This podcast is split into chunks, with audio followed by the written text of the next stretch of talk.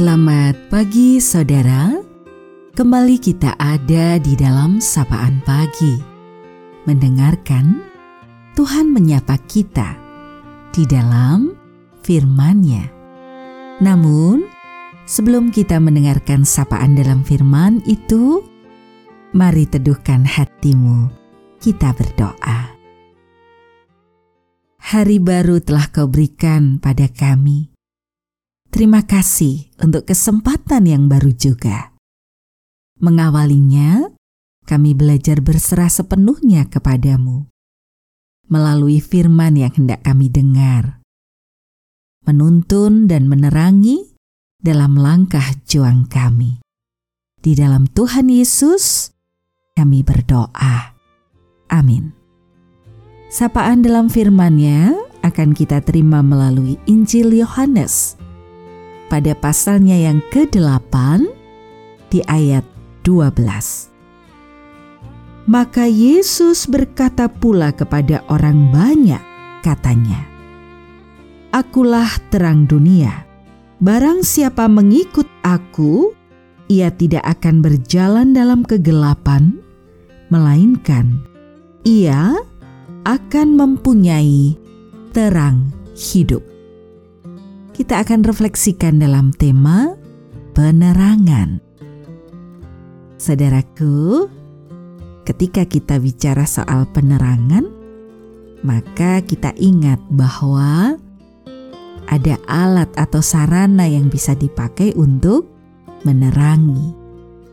Ada kisah seorang yang menceritakan masa kecilnya ketika ia tinggal di desa.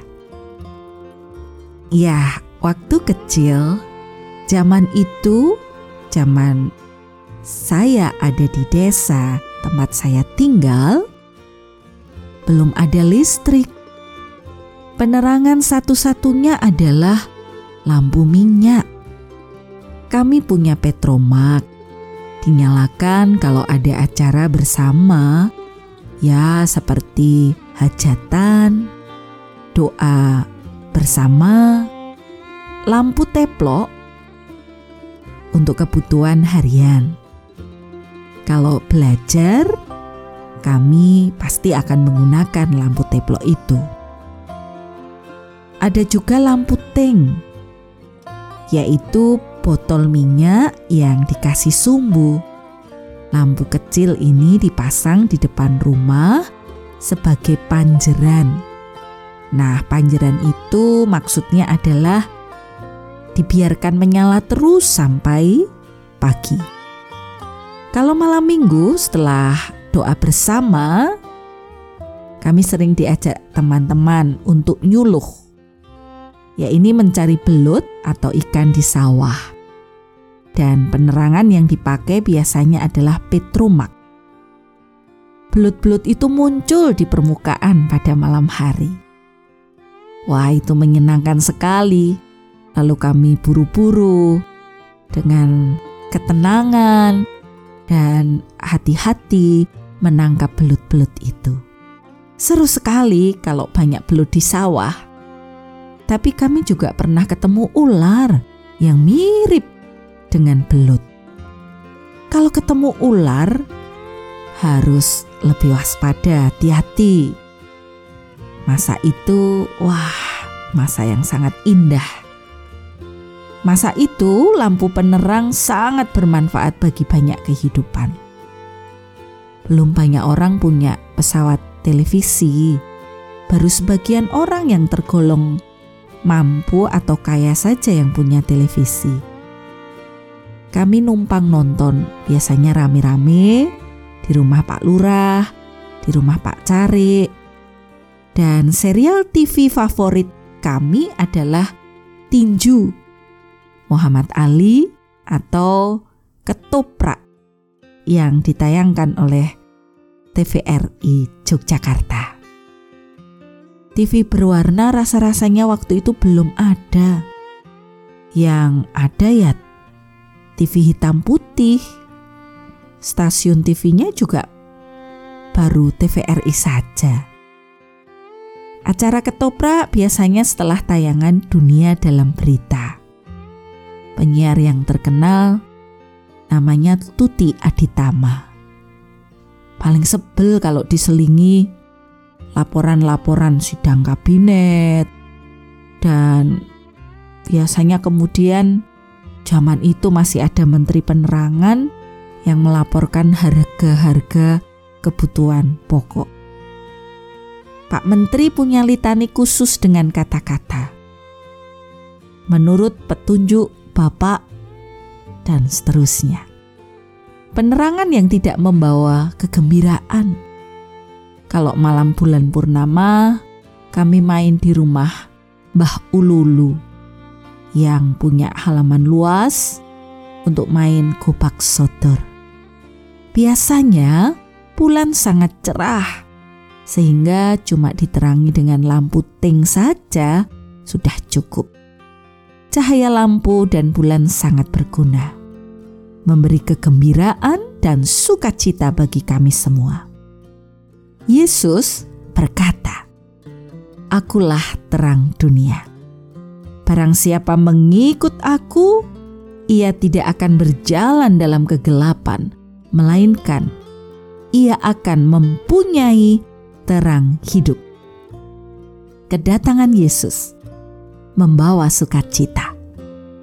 Orang buta bisa melihat, orang bisu bisa berbicara, orang tuli bisa mendengar, orang sakit disembuhkan, dan bahkan orang mati dibangkitkan.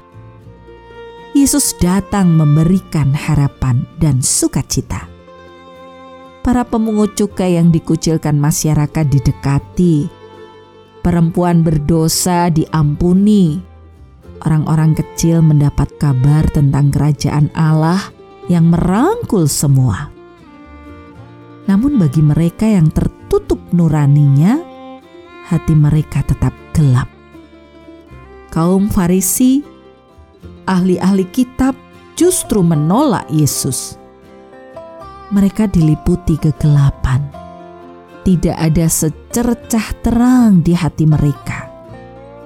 Orang yang berjalan dalam kegelapan, ia akan mudah tersesat. Begitu juga hati yang gelap, sering salah bertindak dan mengambil keputusan. Saudaraku, maukah saya dan saudara membuka hati agar memperoleh Kristus? Sang terang kehidupan?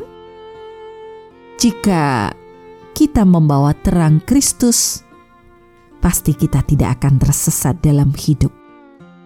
Kita akan mensyukuri hidup ini dengan penuh sukacita. Malam purnama bermain kubak sodor, berkejar-kejaran dengan teman-teman, dan Yesus, ya Yesus Kristus, laksana sebuah obor. Obor yang menuntun kita pada keselamatan. Yang menerangi kita untuk menikmati kehidupan dengan penuh sukacita. Dan pada akhirnya kita bisa bergembira bersama dalam menjalani kehidupan. Tuhan yang terus menjadi sumber penerang kita ya dan terus berserah kepadanya. Kita akan akhiri sapaan pada pagi hari ini. Mari teduhkan hati, kita akan berdoa. Kaulah ya Tuhan terang kehidupan. Cahaya cinta kasih-Mu membawa pengharapan, membuat kami semakin merasakan syukur dan sukacita dalam relasi membangun hidup bersama, diterangi oleh cahaya cinta kasih-Mu. Karena itu kami hanya berserah kepadamu, menjalani kehidupan yang kau berikan untuk belajar menikmatinya dengan baik. Hanya di dalam engkau sang terang sejati, penerang hidup kami, doa ini kami serahkan.